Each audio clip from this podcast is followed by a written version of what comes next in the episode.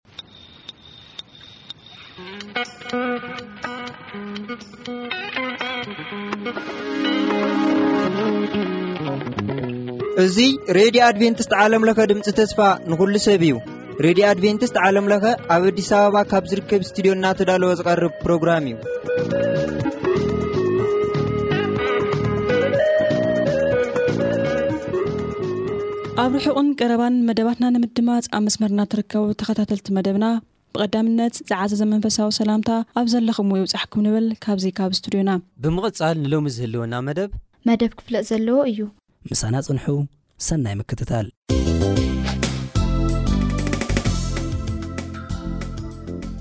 ብጎይታ ብየሱስ ክርስቶስ ዝተፈተኹም ክቡራት ኣሕዋትን ኣሓትን ሰላም ኣምላኽ ንዓኻትኩም ይኹን። ሎሚ ሓደ ኣርእስቲ ሒዘልኩም ቀሪበ ዘለኹ ውሉድ ኣምላኽ ውሉድ ኣምላኽ ምዃንና ክሳዕ ክንዲ ምንታይ ኣነ ንስኹምን ክንሕጎስ ከም ዝግባኣና ክንርኢ ኢና እሞ እዚ ውልድነት እዚ ቀሊል ኣይኮነን ዓብዪ ክብረት እዩ ንዓይ ንዓኻትኩም እሞ ብመሰረት መፅሓፍ ቅዱስ ጥቕሲ ብጥቕሲ ጌርና ክንርኢ ኢና ከምቲ የውሃንስ ውሉድ ኣምላኽ ክንብሃል እቲ ኣቦ ከመይ ዝበለ ፍቕሪ ኣፍቀረና ዝብል ንዑ ከነስተንትኖ ኢና እሞ እግዚኣብሔር ክሕግዘና ብመንፈሱ ብጸሎት ናብ ኣምላኽና ክንቀርብ ኢና ኣቦናን ጎይታናን ዝኾንካ እግዚኣብሔር ኣቦ ተመስገን ስለቲ ዘይውዳእ ሳልኻን ምሕረትካን ኣባና እትገብሮ ዘለኻ ጽቡቕ ነገር ነመስግነካ ኣለና ጎይታየ ንሕና ጥፋኣት ዝነበርና ውልድነት ዘይነበረና ብደም ወድኻ የሱስ ክርስቶስ ብምብጃውኪ እዚ ውልድነት እዚ ክንረክብ ዝገበርካና ነመስግነካ ኣለና ሕጂ ኸኣ ኣምላኸየ ሰይጣን ነዚ ዝሃብካና ውልድነት ከራሳስዕ ብዙሕ እኳ እንተፈተነ ንስኻ ግን ንዓይን የሕዋተይን ክሳዕ ክንድዚ ኣብ ቅድሜኻ ሞገስ ከም ዘለና ክንፈልጥ ብመሰረት ቃልካ ጌርካ ክትገልጸልናን ክተብርሃልናን ኣቦ ናባኻ ንቐርብ ኣለና ንስኻ ግዜና ሰዓትና ተረከቦ ብስም ወድኻ የሱስ ክርስቶስ ኣሜን ክቡራት ኣሕዋት እዛ ኣብ ወንጌል ዮሃንስ ምዕራፍ ሓደ ፍቕዲ ዓሰርተ ክልተ ዘላ እያ እታ መሰረት መእተዊት ጥቕስና እሱ ከዓ እንታይ እዩ ዝብል ነቶም እተቐበልዎ ዘበሉ ኩሎም ብስሙ ንዝኣምኑ ግና ውሉድ ኣምላኽ ክኾኑ መሰል ሃቦም እዛ መሰል ትብል ቃል ተዳ ኣስሚርና ኣላ ቅድሚ ሕጂ መሰል ኣይነበረናን ናይ ውልድነት መሰል ኣይነበረናን ምስ ኣምላኽ ርክብ ዝኾነ ይኹን ኣይነበረና ፀላእቲ ናይ እግዚኣብሄር ዝነበርና ኢና ማለት እዩ እሞ እዚ ሓደ ዘደንቕ ነገር ይገርመካ ካብቲ ፀላኢ ዝነበርካ ኣንፃር ናይ እግዚኣብሔር ዝነበርካ ምስ ኣምላኽ ስምምዕ ዘይነበረካ ንዕኡ ኣፍሪሱ ምስ ኣቦ ምስኡ ውልድነት ውልድ ኣምላኽ ማለት ሲ ኣባል ስድራ ቤት ኣምላኽ ምዃን ማለት እዩ ኣባል ስድራ ቤት ኣምላኽ ምዃን ማለት እዩ። ምስ ኣምላኽ ቅርበት ዘሎና ርክብ ከም ምዃን እዩ። ሕጂ እንታይ የዘኻኽረካ? እዛ ናይ ቀዳማይ ሳሙኤል ዘላ ንሕና ነቲ ነዳይ ይብለና ኡ ማለት እዩ ነቲ ነዳይ ካበይ ኣልዒሉ ካብ ሓመድ ወይ ከዓ ካብ ጎድፍ ኣልዒሉ ዝፋን ክብሪ የውርሶም ትብል ቃል ለላ እዚ የዛኻኽረካ እዚ ኣነ ንስኹምን መሰል ረኺብናዮ ዘለና ማለት እዩ ቀዳማይ ዮሃንስ ቀዳማይ ሳሙኤል ምዕራፍ ክልተ ፍቕዲ ሸሞንተ ዘሎ ማለት እዩ ነቲ ነዳይ ካብ ሓመድ ኣተንስዩ ነቲ ድኻ እውን ካብ ጎድፍ ኣልዒሉ ምስ መኳንቲ የቐምጦም ዝፋን ክብሪ እውን የውርሶም ሕጂ ካብ ጎድፍ ክብለና ከሎሲ ከምዞም ሕጂ ኣብ ጎድፍ ድኻ ሰብ ኮይኑስ ኣብ ጎድፍ ዝኣራሪ ካብኡ ኣልዒልካ ምስ መኳንቲ እሞ ኣብ ዝፋን ከተቐምጦ ከለኻ ሓደ ዘደንቕ ነገር እዩ ልክዕ እዩ እግዚኣብሄር ንዓይ ንዓኻትኩምን ከምኡ ገይርና ኣሎ ማለት እዩ ንሕና ብባህሪና ደቂ ቁጥዓ ዝነበርና ወገን ናይ ሰይጣን ዝነበርና ካብኡ ኣልዒሉ ውሉድ ኣምላኽ ክንከውን እዚ መሰል እዚ ብየሱስ ክርስቶስ ዝረኸብናዮ መሰል እዩ እዚ ውልድነት እዚ ብዙሓት ሰባት ኣብ ዘለናዮ ግዜ ዜግነት ናይ ኣሜሪካ ክትሕዝ ከለኻ ብጣዕሚ ሓበን ኩርዓት እዩ ዝስምዓካ ማለት ኣይኮነን ዜግነት ማለት እዩ ናይ ሰማይ ዜግነት ክትረክብ ከደኣ ክሳዕ ክንዲምንታይ ዘየሐጉሰካ በዛ ናይ ምድሪ እዚኣ እንተ ንሕጎስ ኮይና በዚ ናይዚ ምድሪ እዚ ዜግነት ክትረክብ ናይ ሓንቲ ሃገር መቸም ዓብይ ዕድል እዩ የሐጉሰካ እዩ ዘይሐጉሰካ ማለት ኣይኮነን እቲ ናይ ሰማይ ዘሎና ውልድነት ከ ከመይ ዘየሐጉሰና ንዓይና ከመይ ዘየደንቐና ማለት እዩ እዚ መሰል እዚ ቀሊል መሰል ኣይኮነን ዮሃንስ ብጣዕሚ ተደኒቑሉ ኣብ ቀዳማ ዮሃንስ ምዕራፍ ሰለስተ ከይና ክነንብቦ ከለና ራእዩ ውልድ ኣምላኽ ክንበሃል ሕጂ ይድነቕ እዩ ዘሎ ብጣዕሚ እንታይ ይገብር ኣሎ ይድነቕ ኣሎ ውሉድ ኣምላኽ ክንበሃል ከምኡ እውን ኢና ኢሉ ከዓ መልሽኻ ስለዚ ሕጂ ብየሱስ ክርስቶስ ዝኣመኑ ንየሱስ ዝተቐበልዎ ንሳቶም ውልድ ኣምላኽ ክኾኑ መሰል ሃቦም ይበና እንደ ቦምራኻ ክትሓስቦ ከለኻ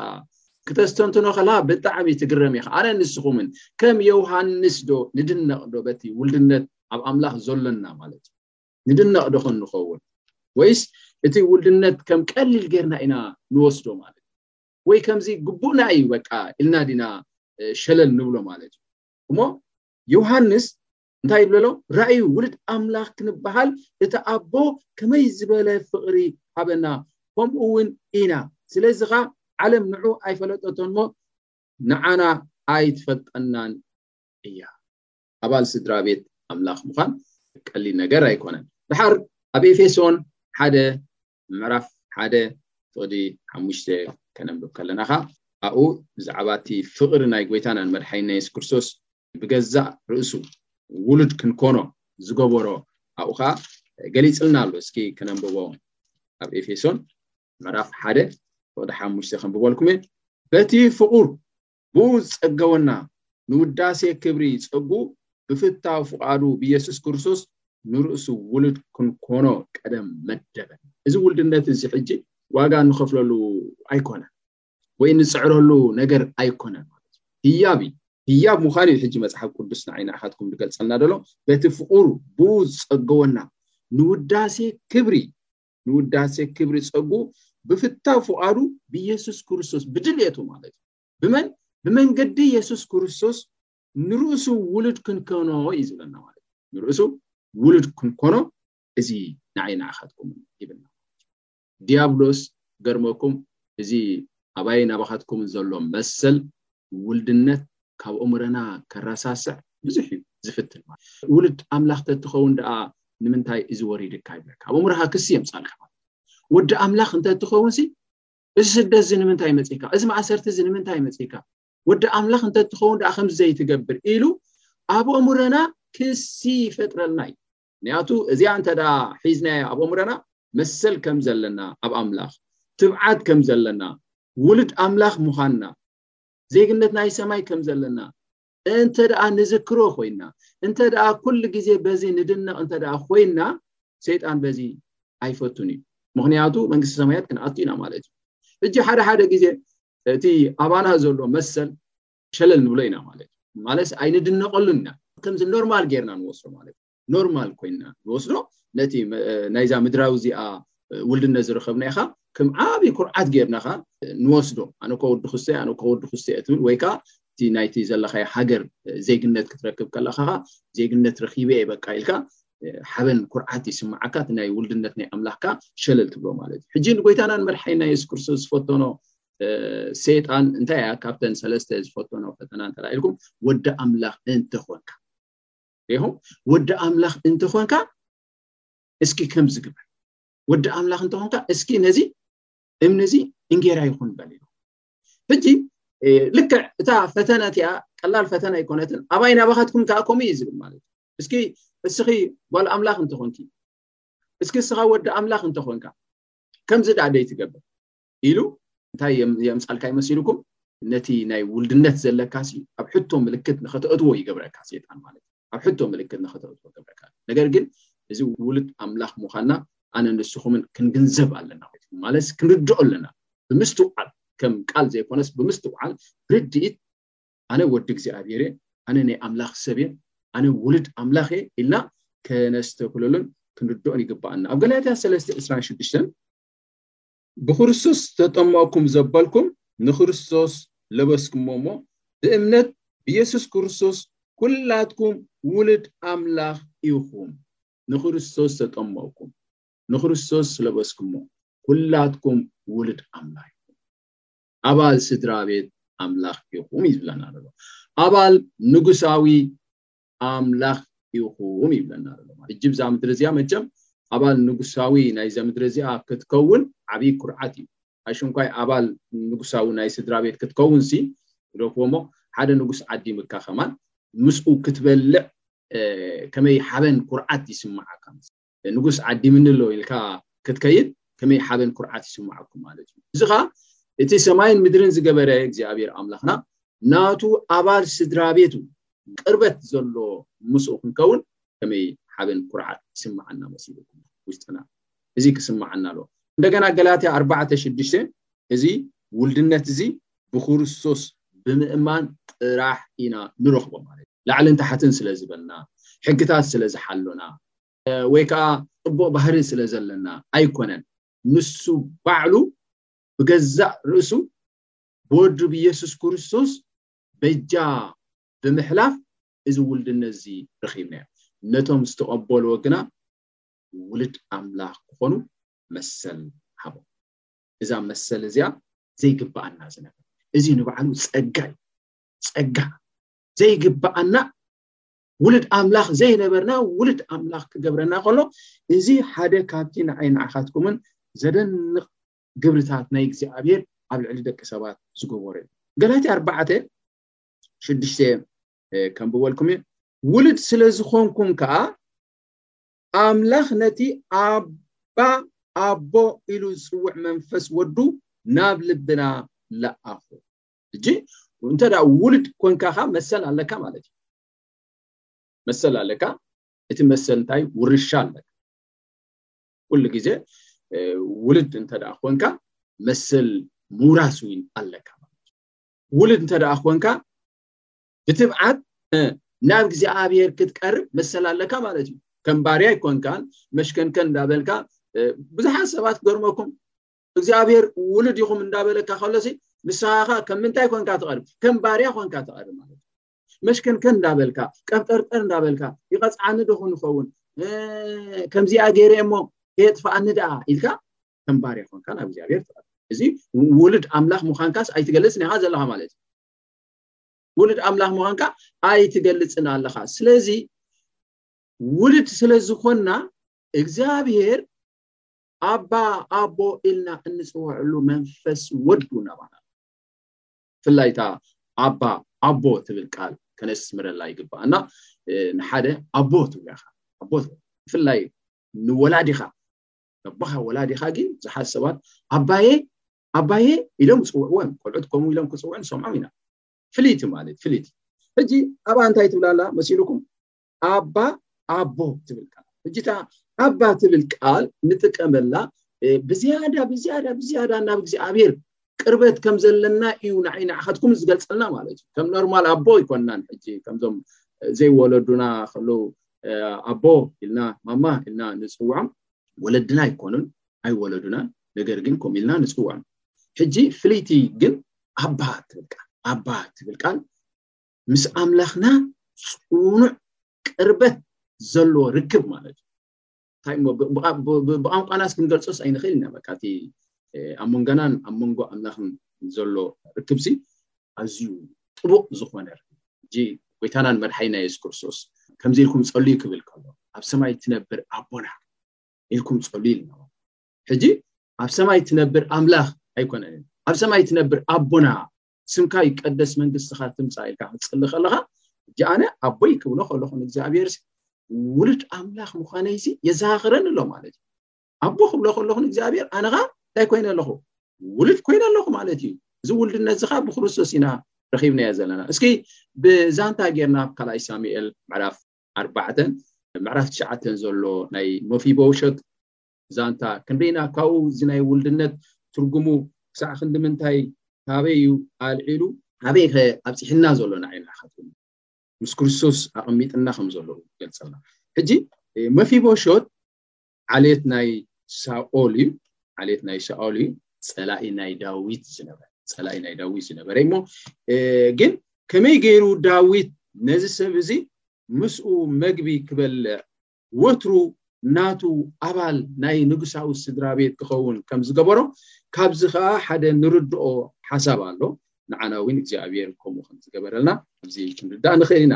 እስኪ ካልኣይ ሳሙኤል ምዕራፍ ኣርባዕተ መፊቦሾት መን እዩ መፊቦሾት ካልኣይ ሳሙኤል ምዕራፍ ኣርባዕተ ፍቅዲ ሽዱሽተ ከንብበልኩም እየ ዮናታን ወዲ ሳኦል ከኣ እግሩ እተጎድአ ወዲ ነበሮ ንሱ እቲ ወረ ሳኦል ንዮናታን ካብ ይዝራኤል ክመጽእ ከሎ ወዲ ሓሙሽተ ዓመት ነበረ፣ እታ መጕዚቱ ድማ ሒዛቶ ሃደመት። ኰነ ኸኣ፣ ቀልጢፋ ክትሃድም ከላ ንሱ ወደቐ እሞ፣ ሓንካስ ኰነ፣ ስሙ ኸኣ መፊቦሸት ተባህለ። ስለዚ እዚ ወዲ ዮናታን መፊቦሸት ዝበሃል ወዲ ሓሙሽተ ዓመት መጕዚት ሒዛቶ ከላ እናሃደመት ከላ ካብቲ ኲናት ናይ ዳዊት ክትጓዓዝ ከላ ተዓንቂፋ ምስ ወደቐት እቲ ቆልዓ እንታይ ኮይኑ ሓንካስ ኮነ ይብለና ማለት እዩ ሓፈሻዊ እቲ ዛንታ ከም ንፈልጦ ቤት ሳኦል እንታይ እንዳኮነት ከይዳ እንዳደኸመት ከይዳ ቤት ዳዊት ከዓ እናበርትዐት ከዳ እዩ ከደት ሓፈሻዊ ኩሎም ዓሌት ናይ ሳኦል ከም ዝፀነቱ ከም ዝፀነቱን ድሓር ዳዊት እንታይ ኢሉ ማለት እዩ ገለ ሓድጊ ሓድጊ ምሕረት ዝገብረሉ ሰብ ደኾን ይህሉ ኸውን ኢሉ ንፂባ ምስ ሓተቶ ንሱ ኸኣ እንታይ ኢሉ መሊሱሉ ክንርኢ ኢና ኣብ ናይ ካልኣይ ሳሙኤል ምዕራፍ ትሽዓተ ፈወደ ሓደ ዳዊት ድማ ካብ ቤት ሳኦልሲ ምእንቲ ዮናታን ኢለ ምሕረት ዝገብረሉ ገለ ሓድጊ ደኾን ይህሉ በለ ኣብ መንጎ ዳዊትን ዮናታንን ጥቡቕ ዝኾነ ፍቕሪ እዩ ነይርዎ ጥቡቕ ዝኾነ ፍቕሪ እዩ ነይርዎ ሕጂ እንታይ ይብላ ኣሎ ዳዊት ካብ ቤት ሳኦልሲ ምእንቲ ዮናታን ኢለ ምሕረት ዝገብረሉ ገለ ሓድጊ ዶ ክኾን ይህሉ በለ ፍቕዲ ክልተ ፂባ ዝስሙ ሰብኣይካ ኣገልጋሊ ቤት ሳኦል ነበረ ንዑ ናብ ዳዊት ፀወዖ ንሱ ድማ ንስኻ ዲኻ ፂባ በሎ ንሱኻ ግልያኻ ንሱ እዩ በለ ንሱ ድማ ምሕረት ኣምላኽ ክገብረሉስ ካብ ቤት ሳኦልዶ ገለ የልቦን? በለ። ጺባኻ ንንጉስ፣ ኣእጋሩ እተጐድኤ እባ ሓደ ወዲ ዮናታን ኣሎ፣ በሎ። ንጉስ ድማ፣ ኣበይ ኣሎ ንሱ? በሎ። ጺባኻ ንንጉስ፣ እንሆ፣ ንሱ ኣብ ቤት ማኪር ወዲ ዓማየል ኣብ ሎዶባር ኣሎ፣ በሎ። ሽዑ ንጉስ ዳዊት ልኢኹ ካብ ቤት ማኪር ወዲ ዓማየል ካብ ሎዶባር ኣምጽኦ። መፊቦሾት ወዲ ዮናታን ወዲ ሳኦል ናብ ዳዊት መጺኡ ብገጹ ተደፊኡ ፍግም በለ። ዳዊት ድማ፣ መፊቦሾት በሎ፣ ንሱኻ እኔኹ ግሌኻ፣ በለ። ዳዊት ድማ፣ ምእንቲ ኣቦኻ ዮናታን ኢለ፣ ርግጽ ምሕረት ክገብረልካ እየ እሞ፣ ኣይትፍራህ፣ በሩ ኣቦኻ ሳኦል እውን ክመልሰልካ እየ፣ ንስኻ ኸኣ ንሓዋሩ ኣብ መኣደይ እንጌራ ክትበልዕ ኢኻ፣ በሎ። ንሱ ድማ ፍግም ኢሉ፣ ናብ ከማይ ዝበለ ምዉት ከልቢ ገጽካ ክትመልስሲ ግሌኻ እንታይ እዩ? በለ። ሬኹም መፊቦሾት ጸላኢ ናይ ዳዊት ዝነበረ እሞ ሓንካስ ዝነበረ፣ ካብ ሎዶባር ተጸዊዑ መጺኡ እንታይ ኢልዎ ኩሉ ጎርሁ ናይ ኣቦኻ ክመልሰልካ እየ ይብሎ ኣሎ ማለት እዩ ኩሉ ጎርሁ ናይ ኣቦኻ ክመልሰልካ እየ እንደገና ከዓ እታ ደስ ዘብል ከዓ ኣብ መኣደይ እንጌራ ክትበልዕ ኢኻ ክሳዕ መዓስ ንሓዋሩ ድሓር መፊቦሾት እንታይ ኢሉ መሲልኩም ንሱ ድማ ፍግም ኢሉ ናብ ከማይ ምዉት ከልቢ ምዉት ከልቢ ገጽካ ክትመልሲ ግሊያኻ እንታይ ይብል ኣነን ንስኹምን መፊቦሾት ኢና መፊቦሾት ሓንካስ ሰብ ዋላ ሓንቲ ክገብር ኣይክእልን ኣነን ንስኹምን ከም መፊቦሾት ምርኮና ዝተወስደ ኣብ ርሑቕ ቦታ እንቕመጥ ዝነበርና ምንቲ ዮናታ እግዚኣብሔር ኣቦ ምንቲ ወዱ የሱስ ክርስቶስ ስለ ስምቲ ሓደ ወደይ ዝለመንኩሞ ዘበለ እዩ ዝለና ምንቲ ስም የሱስ ክርስቶስ ምእንቲ ወዱ ኢሉ ንዓይ ንዓኻትኩምን ዝገበሮ ጻውዒት ስለዚ ብእምነት ብየሱስ ክርስቶስ ኢና ንሕና ውሉድ ኣምላኽ ኮይንና እዚ ኸኣ ምእንቲ ዮናታን እዩ ምሕረት ተይገይሩ ግብርታቱ ፅቡቅ ስለዝኾነ ኣይኮነን ኣባል ናይ ዳዊት ወይ ዓሌት ናይ ዳዊት ስለዝኾነ ኣይኮነን ምንም ምንም ምንም ምክንያት ዝበሃል የብሉን እሰብ እዚ ኣባል ንጉሳዊ ስድራቤት ክኸውን ምስ ንጉስ መግቢ ክበልዕ ዘግበሮ ምኽንያት ወላ ሓንቲ የብሉን። ምእንቲ ዮናስ ርኢኹም ንዓይን ንዓኻትኩምን ተዓንቶ ወይ ከኣ ውሉድ ኣምላኽ ምዃና ንኸነስተውዕላ ኢልና እየ ሕጂ እዚኣ ደምጺያ ደለኹ ማለት እዩ። ክሳዕ ክንድዚ ድዩ ንዓይን ንዓኻትኩምን ቀሪብና? መፊቦሸት ተደኒቑ ተደኒቑ ከማይ ምዉት ከልቢ ገጽካ ክትመልሲ ኣነ መን እየ ማለት ራዩ ሕጂ ዮሃንስ ከዓ ከምኡ እዩ ዝብለሉ ራእዩ ውልድ ኣምላኽ ክንበሃል ከመይ ዝበለ ፍቕሪ ኣፍቂርና ክብል ከሎ ልክዕ ከምዚ መፊቦሸት ዝበሎ እዩ ሕጂ ከምኡ ዝበሎ ካልእ ተደነካ ንሓዋሩ ትብል ቃል ነስምራ ኣነን ንስኹምን ንዝተወሰነ ግዜ ውልድ ኣምላኽ ክንከውን ብድሕሪኻ መሰልና ክግፈፍ ማለት ኣይኮነን ንሓዋሩ ንሓዋሩ ንሚልዮናት ሚልዮናት ዓመታት ኣብ ሰማይ ውሉድ ኣምላኽ ኮይና ኢና ክንነብር። ካብዚ ምስገና ጎይታናን መድሓኒና የሱስ ክርስቶስ መጺኡ ምስ ወሰደና ኣብ ሰማይ መኣዲ ክግበረልና እዩ መኣዲ ክግበረልና እዩ ኣብኡ ጎይታናን መድሓኒናን የሱስ ክርስቶስ ምሳና ኣብ ጠረጴዛ ክምገብ እዩ ማለት እዩ እዚ እዩ እቲ ምስኡ ዘለና ቅርበት ምስ ጎይታናን መድሓኒና የሱስ ክርስቶስ ዘለና ቅርበት ካብዚ ክንርዳእ ንኽእል ማለት እዩ ሕጂ እቲ ጎርሁ ናይ ሳኦል ተወሪሱ እዩ ናብ ቤት ዳዊት ይኣትዩ ድሓር እዚ ኸዓ ክወሃበካ እዩ ዝበሉ ናተይ ናትኩምን ምርኮና ዝተወረሰ ኣሎ ዶ እንተ ኢልና እወ ሰይጣን ዝወሰዶ ምርኮ ኣሎ ምርኮና ተወሪሱ እዩ ነይሩ ንሕና ንባዕልና ባርያ ናይ ሰይጣን ኮይና ምርኮና ተወሪሱ መሰል የብልናን ባሮት ንሱ ዘዝበለና ኢና ንገብር ስለዚ ኣብ ትሕቲ ኣርዑት ኢና። ደሓር ይቕጽል ፍቕዲ ትሽዓተ። ሽዑ ንጉስ ንጺባ ግልያኻ ሳኦል ጸዊዑ ናይ ሳኦልን ናይ ብዘላ ቤቱን ዝኾነ ኩሉ ንወዲ ጎይታኻ ሂበዮ ኣለኹ ኩሉ ኩሉ ንወዲ ጎይታኻ ሂበዮ ኣለኹ እዚ ጺባ እዚ ኣገልጋሊ ናይ ሳኦል ዝነበረ ንሱ ንባዕሉ ንሱ ንባዕሉን ደቁን ንመን ከገልግሉ ንመፊቦሸት ከገልግሉ ትእዛዝ ሂቡ ንጉስ ስለዚ ኩሉ ብምሉእ ሲ ንመን ሂበየ ኣለኹ ይብለና ማለት እዩ ንመፊቦሸት ሂበየ እዚ እንታይ የዘኻኽረካ ኣብ ሮሜ ምዕራፍ ሸመንተ እንተ ኣንቢብና ኩሉ ካብ ሓበና እዩ ማለት እዩ እቲ እቲ ዝዓበየ ህያ መቸም ናይ እግዚኣብሔር ኣቦ ንወዱ የሱስ ክርስቶስ ከማን ካብ ሃበና ንምንታይ ኩሉ ዘሂበና ኩሉ ዘሂበና ይብለና ማለት እዩ ፍቅዲ ሰላሳን ሓደን እምበኣርሲ ብዛዕባ እዚ ነገር እዚ እንታይ ክንብል ኢና ኣምላኽ ምሳና ካብ ኮነ ከ መን እዩ ዝቃወመና እቲ ንወዱ እኳ ምእንቲ ኩላትና ሓሊፉ ዝሃቦ እምበር ዘይንሓፎ ከመይ ደኣ ከ ምስኡ ኩሉ ዘይሂበና እዩ ኩሉ ዘይሂበና ልክዕ ከምታ ዳዊት ንመፊቦሾ ዝበሎ ንፂባ እንታይ ኢልዎ ኩሉ ሂበዮ ኣሎ ኩሉ ገርሁ ብምሉኡ ንመን ንመፊቦሸት ሂበዮ ኣሎ ኣብዚ ከ እንታይ እዩ ዝብለና ማለት እዩ ምሳና ካብ ኮነ ከ መን እዩ ዝቃወመና እቲ ንወዱ እኳ ምእንቲ ኩላትና ኣሕሊፉ ዝሃቦ እምበር ዘይነሓፎ ከመይ ደኣ ከ ምስኡ ኣብ ሰማይ ምስከና ኣሕዋት ኣብ ሰማይ ምስከና ብዙሕ ዘደንቐና ነገር ብዙሕ ዘደንቐና ኣብዚ መፅሓፍ ዘይተፅሓፈ ምክንያቱ ዓይኒ ሰብ ዘይረኣየቶ ኣብ ልቢ ሰብ ከዓ ዘይተሓሰበ ኣምላኽ ነቶም ዘፍቅሮም ኣዳልሎም ዝበለና እዚ ከሎ ድዩ ዋ እዚ ከደኣ እንታይ እዩ እዚ ርስቲ ከደኣ እንታይ እዩ ኢልና ንድነቐሉ ነገራት ኣሎ ስለዚ ሂወት ጥራሕ ኣይኮነን ዝበለና ናይ ዘለኣለም ሂወት ጥራሕ ዘይኮነሲ ምስኡ ብዙሕ ምርኮ ዝተወሰደልና ንዑ ከይንወስዶ ሰይጣን ዘተዓናቕፈና ዝነበረ ኩሉ ከም ዝወሃበ ይገልጸልና ማለት እዩ ሕጂ ናብኣ ክንምለስ ከለና ናብታ ካልኣይ መጽሓፍ ዜና መውዕል ምዕራፍ ትሽዓተ ፍቕዲ ዓሰርተ ኢና በጺሕና ዘለና ንስኻን ደቅኻን ግዙኣትካን ድማ ንወዲ ጎይታኻ ምእንቲ ዝብላዕ እንጌራ ክኾኖስ እቲ መሬት ሓሪስኩም ንዑ ኣእትውዎ። ምፊቦሾት ወዲ ጐይታኻ ግና ንወርትግ ኣብ መኣደይ እንጌራ ኪበልዕ ይበሎ። ንጺባ ኸምኡ ይበሎ፣ ንጺባ ኸምኡ ይበሎ። ንስኻ ንባዕልኻ፣ ደቅኻን ባሮት ናይ መን ክትኮኑ ኢኹም ማለት እዩ? ናይ ምፊቦሾት ክትኮኑ ኢኹም። ስለዚ ነቲ ግራት ሓሪስኩም ናብኡ ክተምጽሉ ኢኹም በሎ ማለት እዩ። ሜፊዎሸት ወዲ ጎይታኻ ግና ንወርትግ ኣብ መኣደይ እንጌራ ኪበልዕ እዩ። ስለዚ ይደጋግሞ ኣሎ፣ ይደጋግሞ ኣሎ፣ ኣብቲ ንሓዋሩ ምሳይ መግቢ ኪበልዕ ኢሉ፣ ኣብዚ ኸኣ ሕጂ ሓደ ቃል ኪደጋገም ከሎ የረጋግጸልና ኣሎ ማለት እዩ፣ የረጋግጸልና ኣሎ። ንሕና ከም ሜፊቦሸት ኮይና ንሓዋሩ ከይንጠራጠር ማእታ ማለት እዩ፣ ንሓዋሩ ምስ እግዚኣብሄር ኣባል ስድራ ቤት ኮይና ምስኡ ከም ንነብር ንምግላጽ እዩ ሕጂ ካልኣይ ሳልሳይ ግዜ ዝደግሞ ዘሎ ማለት እዩ ንጺባ ከኣ ዓሰርተ ሓሙሽተ ኣወዳት ዕስራ ጉዛኣት ነበርዎ ጺባ ድማ ንንጉስ ከምቲ ጎይታይ ንጉስ ንግልያኻ ዝኣዘዙ ኩሉ ግልያኻ ከምኡ ክገብር እየ በሎ ንጉስ መሊሱ መፊቦሾት ከም ሓደ ካብ ደቂ ንጉስ ኣብ መኣደይ ክበልዕ ይበሎ ኣሜን ከም ሓደ ደቂ ንጉስ ከም ሓደ ደቂ ንጉስ ማዕረ ምስቶም ደቁ ማለት እዩ ዘገርም ነገር ማዕረ ምስቶም ደቁ መግቢ ክበልዕ ማለት እዩ ስለዚ መፊቦሸት ወዲ መን ኮይኑ ኣሎ ማለት እዩ ወዲ ንጉስ ኮይኑ ኣሎ ማለት እዩ ወዲ ንጉስ ኮይኑ ኣሎ እንተ ኩሉ መሰል እንተ ሂብዎ ግራውቲ እንተ ተዋሂብዎ መኣዲ እቲ ንጉስ ዝበልዖ መኣዲ እንድሕር ዝበልዕ እንተ ኮይኑ ምስቶም ደቁ ተሰሪዑ መግቢ ክበልዕ እንተ ጀሚሩ እዚ ሰብ እዚ ኩሉ መሰል ተዋሂብዎ ኣሎ ማለት እዩ መሰል ዘይግብኦ መሰል ተዋሂቡ እዚ ፀጋ እዩ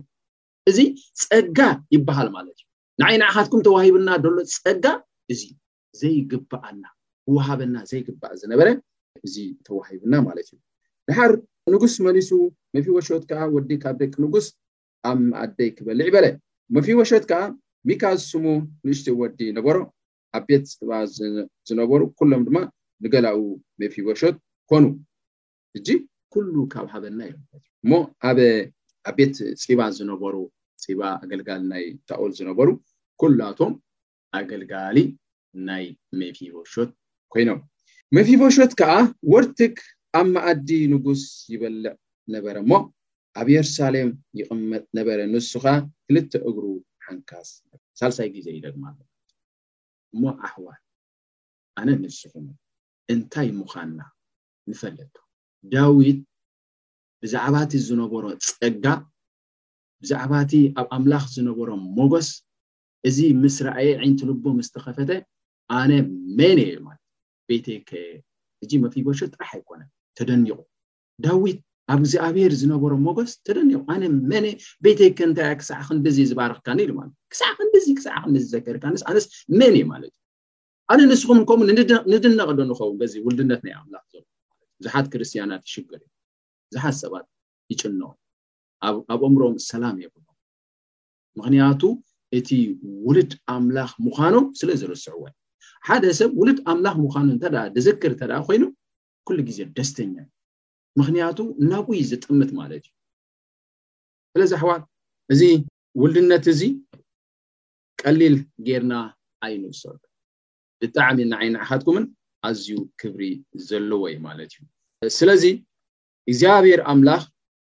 ንዓይ ንዓካትኩምን ሓሲቡልና ዘሎ ሓሳብ እዚ ምስ መኳንንቲ ኣቀመጦ ዝብል ማለት እዩ እሞ ኣነ ንስኩምን ውልድ ኣምላክ ኢና ውሉድ ኣምላኽ ምዃንና ብእምነት ኢና። ብምንታይ? በቲ ቃሉ ዝበለና። ስለዚ ብዝኾነ ይኹን ሰይጣን ኣብ ኣእምሮና ክሲ እንተ ኣምጺልና እንምልሰሉ መልሲ ኣነ ውሉድ ኣምላኽ እየ። ኣነ መሰል ዘሎኒ ኣብ እግዚኣብሔር እየ ኢልና ክንምልሰሉ ኣለና ማለት እዩ እሞ እቲ መሰልና ኣይነተኣነዓዕቆ እቲ ኣባና ዘሎ በረኸት እቲ ኣባና ዘሎ ጸጋ ከም ቀሊል ጌርና ከይንሪ ከምዚ ኣብ ኢድካ ዘሎ ወርቅስ ዳርጋ ጨርቂ ዝበሃል እቲ ኣባና ዘሎ ጸጋ በረኸት ከም ምናምን ጌርና ኣይንውሰዱ ናይ ዓለም ነገር ኩሉ ሓላፊ እቲ እግዚኣብሔር ንዓይ ንዓኻትኩምን ኣሚምልና ዘሎ መዲብልና ዘሎ ኣብ ሰማይ ኣዳልዩልና ዘሎ ርስቲ ልዕሊ ኣእምሮና ልዕሊ ኣተሓሳስባና በዚ ናተይ ናትኩምን ቃላት ክትገልጾ ዘይትኽእል ድንቅን መስተንክርን ምዃኑ ክርድኣናን ከስተውዕለና እሞ እግዚኣብሔር ይባርኽኩም ስለዚ እዚ ቃል ዝሃበና ንኣምላኽና ክነመስግኖ ኢና በዚ ኣመስጊንና ከዓ ክንሃፅ ኢና እሞ ንፀለይ ሓቢርና ቅዱስ ልዑል ብሩኽ እግዚኣብሔር ኣቦና ምስጋና ኩሉ ንዓኻ ይኹን እዚ ውልድነት እዚ ብግብርና ብክእለትና ብገንዘብና ይኮና ብእምነት ብኢየሱስ ክርስቶስ ብምእማንና እዚ መሰል ስለ ዝሃብካ እግዚኣብሔር ንሓዋሩ ምሳኻ ክንነበር ንሓዋሩ ደቂ እግዚኣብሔር ተባሂልና ክንፅዋዕ ውሉድ ኣምላኽ ተባሂልና ክንፅዋዕ እዚ ንዓይ ንኣሕዋተይ ኣዝዩ ዘደንቕን ዘገርምን ግብርታትካ እዩሞ እግዚኣብሔር ንመስል ኣምላኼ ነቶም ውሉድ ኣምላኽ ምዃኑ ቃልካ እናገለጸ ሴጣን ግን ኣብ ወንጎኦም ሕሹኽ ብምባል ዝኸሶም ዘሎ እግዚኣብሔር ንስኻ ዕንት ልቦና ነፍሲ ወከፍና ኢየሱስ ክርስቶስ ዝኣመና ውሉድ ኣምላኽ ምዃንና ኣብ እምሮና ንስኻ ገለጸ ኣምላኽ ንሰምዑ ኩሉ ዝበርኸ ሰሎም ስለ ኢየሱስ ክርስቶስ